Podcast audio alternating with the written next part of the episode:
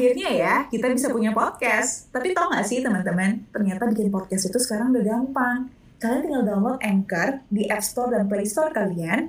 Kalian bisa mulai record podcast episode pertama kalian langsung di aplikasi tersebut. Bahkan kalian juga bisa edit podcast kalian langsung.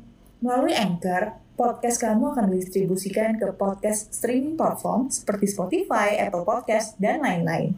Dan yang pasti gratis. Yuk download aplikasi Anchor di apps dan Play Store kalian atau kunjungi www.anchor.fm. Selamat bikin podcast. Hey, welcome back. Semoga belum bosan ya cerita-cerita sama aku.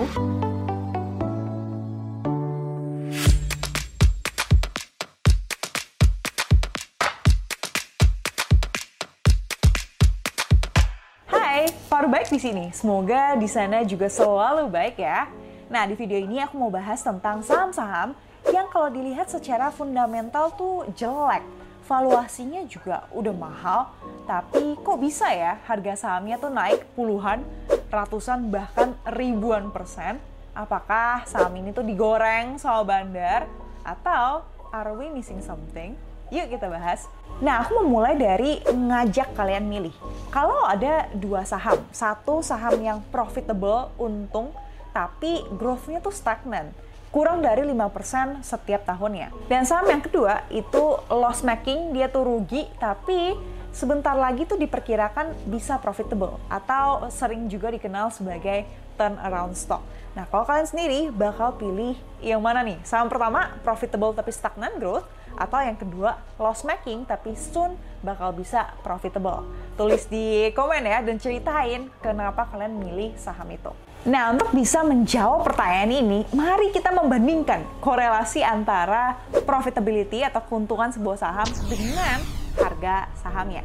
Untuk jenis saham yang pertama, yang profitable tapi stagnan growth, aku akan pilih Unilever, HMSP, dan Bank Mandiri. Ini adalah tiga saham big caps, blue chip, fundamentalnya terkenal bagus, ROI-nya juga tinggi dan produknya tuh dikenal semua orang. Siapa yang nggak tahu Pons atau Walls dan rokok A-Mild, nabung di Bank Mandiri. Tapi, apakah semua hal tersebut tuh cukup untuk support harga sahamnya? Maybe not. Kalau kita lihat di apps RTI Business ya, ketik Unilever ke tab yang Key Statistics, ini ada bagian earnings per share atau keuntungan laba bersih per lembar saham Unilever dari tahun 2018 sampai 2021, walaupun yang 2021 ini masih perkiraan ya. Setiap tahunnya Unilever is um, making profit, dia tuh selalu untung. Tapi kalau kita lihat tren EPS-nya ya, tuh selalu menurun dari tahun 2018 sampai 2021. Jadi ini bukan profitable with stagnant growth yang nggak ke mana-mana, tapi growth-nya tuh malah declining atau turun. Nah, kita lihat perbandingannya dengan harga sahamnya dalam tiga tahun terakhir ternyata harga saham Unilever tuh sudah turun 50%. Nah menurut aku harga saham Unilever bisa seperti ini dan growth-nya juga terus menurun simply because of competition yang sering aku bilang. Wardah, kemudian brand-brand dari influencer, brand dari Korea dan luar negeri yang masuk dari kompetisi di segmennya Unilever ini menjadi sangat kencang lah ya. Nah kita coba lihat juga saham HMSP, kita lihat earnings per share-nya juga sama ya cenderung menurun ya dari 2018 sampai 2021 walaupun dia tetap untung ROI-nya tinggi tapi trennya tuh turun. Dan kita bandingkan dengan harga sahamnya dalam tiga tahun terakhir ternyata dia turun sekitar 70-an persen. Padahal ini saham HM Sampurna yang again ROI-nya bagus dia tuh untung. Big caps blue chip semua orang tahu produknya tapi bisa turun sampai 70% dalam tiga tahun. Kita lihat lagi contoh yang ketiga, Bank Mandiri. Dari tahun 2018, again, sampai 2021, tren EPS-nya atau laba bersihnya juga turun. Untung, tapi trennya turun. Makanya harga sahamnya juga dalam tiga tahun terakhir turun sekitar 24%. Nah jadi dari tiga contoh ini kita bisa mengambil kesimpulan nih bahwa ada hubungan atau korelasi yang positif antara tren pertumbuhan EPS atau laba bersihnya dengan harga sahamnya.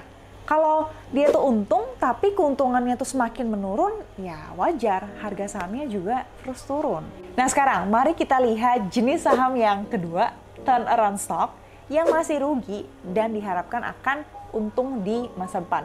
Kita akan ambil contoh saham BRPT, Arto, dan Friend ya. Tiga saham ini itu bukan big caps, bukan blue chip pada awalnya. Dia tuh loss making, rugi, fundamentalnya jelek, orang bahkan nggak tahu produknya apa. Tapi pergerakan harga sahamnya tuh dahsyat gitu ya. Pertama, mari kita lihat BRPT atau Barito Pacific. Ini aku pakai websitenya Indo Premier Nanti aku taruh linknya juga di description box biar kalian bisa cek sendiri ya. Kalau kita lihat di net profitnya, di tahun 2015 dia tuh awalnya rugi, minus 80 miliar per tahun ya. Kemudian di tahun 2016 tiba-tiba jadi untung 1,8 triliun. Sama, harga sahamnya juga dari awalnya seratusan langsung naik 10 kali lipat jadi 1400-an. Kemudian di tahun berikutnya naik dua kali lipat jadi 2000-an. Kemudian dia sempat stock split beberapa kali. Jadi BRPT ini adalah satu contoh di mana dulu dia tuh pernah rugi terus jadi untung dan harga sahamnya juga langsung melesat dengan sangat tinggi. Bahkan BRPT tuh sempat waktu itu masuk top 10 market cap ya atau 10 saham dengan nilai perusahaan paling besar. Akhirnya ya, kita bisa punya podcast. Tapi tau gak sih teman-teman, ternyata bikin podcast itu sekarang udah gampang. Kalian tinggal download Anchor di App Store dan Play Store kalian, kalian bisa mulai record podcast episode pertama kalian langsung di aplikasi tersebut. Bahkan kalian juga bisa edit podcast kalian langsung. Melalui Anchor, podcast kamu akan didistribusikan ke podcast streaming platform seperti Spotify, Apple Podcast, dan lain-lain. Dan yang pasti gratis. Yuk download aplikasi Anchor di apps dan Play Store kalian atau kunjungi www.anchor.fm. Selamat bikin podcast! Hey, welcome back. Semoga belum bosan ya cerita-cerita sama aku. Nah, mari kita lihat juga saham yang kedua, Arto atau Bang Jago. Kalau lihat di apps-nya RTA Business ya, Key Statistics, earnings per share-nya itu masih rugi, dia merah semua gitu ya. Tapi kalau kita lihat dari 2018 sampai 2021, tingkat kerugiannya itu mengecil atau menurun. Jadi ada improving trend ya di sini ya. Terus kita lihat harga sahamnya dalam tiga tahun terakhir naik hampir 2000%. Dan Arto sekarang juga udah jadi top 10 market cap di IHSG. Di sini kita bisa lihat bahwa investor itu membeli masa depan. Jadi walaupun rugi, tapi kalau ke depannya akan untung, harga sahamnya udah gerak duluan. Dan kita lihat lagi contoh saham ketiga ya, Friend yang akhir-akhir ini juga sering diperbincangkan kalau kita lihat earnings per share-nya sama kayak Arto ya, dia juga masih rugi, tapi tingkat kerugiannya juga mengecil dan harga sahamnya juga naik 150-an persen dalam tiga tahun terakhir. Nah, Fran ini punya ceritanya sendiri juga. Walaupun dia masih rugi, tapi kan kita tahu ya, belakangan ini dia mengakuisisi 20% dari Moratel, uh, fixed broadband provider. Kalau kalian tahu, Moratel itu is a very good company. Bisa lihat laporan keuangannya juga di IDX. Kalau nggak salah di tahun 2020 tuh dia untung sekitar 900 miliar ya. Dan Friend punya rencana untuk mengakuisisi Moratel ini sampai lebih dari 50% karena mereka berdua sama-sama uh, grupnya Sinarmas gitu kan.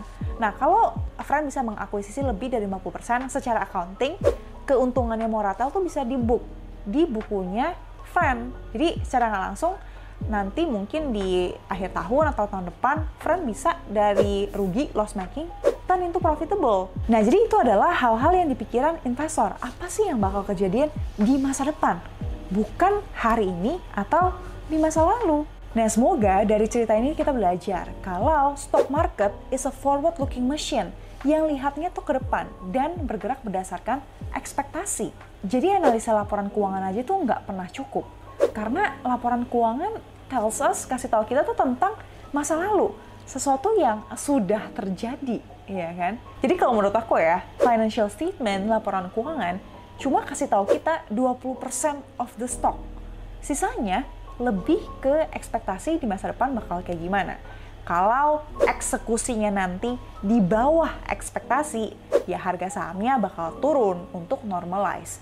Tapi kalau perusahaannya nanti bisa eksekusi dan melebihi ekspektasi, sahamnya punya momentum untuk naik lagi gitu. Nah, sebagai investor zaman now, aku sering juga baca di komen banyak yang bilang sejak ini, sejak itu, kenapa aku jadi milih saham-saham yang aneh, lebih hype investing atau lain sebagainya. Aku cuma mau bilang kalau mungkin kita perlu terbuka dengan cara-cara dan pemikiran yang baru. Nggak sekedar udah beli blue chip dan tinggal tidur aja. Tadi contoh yang pertama ya, Unilever, HMSP, BMRI, itu kurang blue chip apa coba? Tapi kalau kita lihat dalam lima tahun terakhir, lima tahun tuh bukan waktu yang pendek loh. Itu termasuk jangka panjang loh untuk investasi saham ya.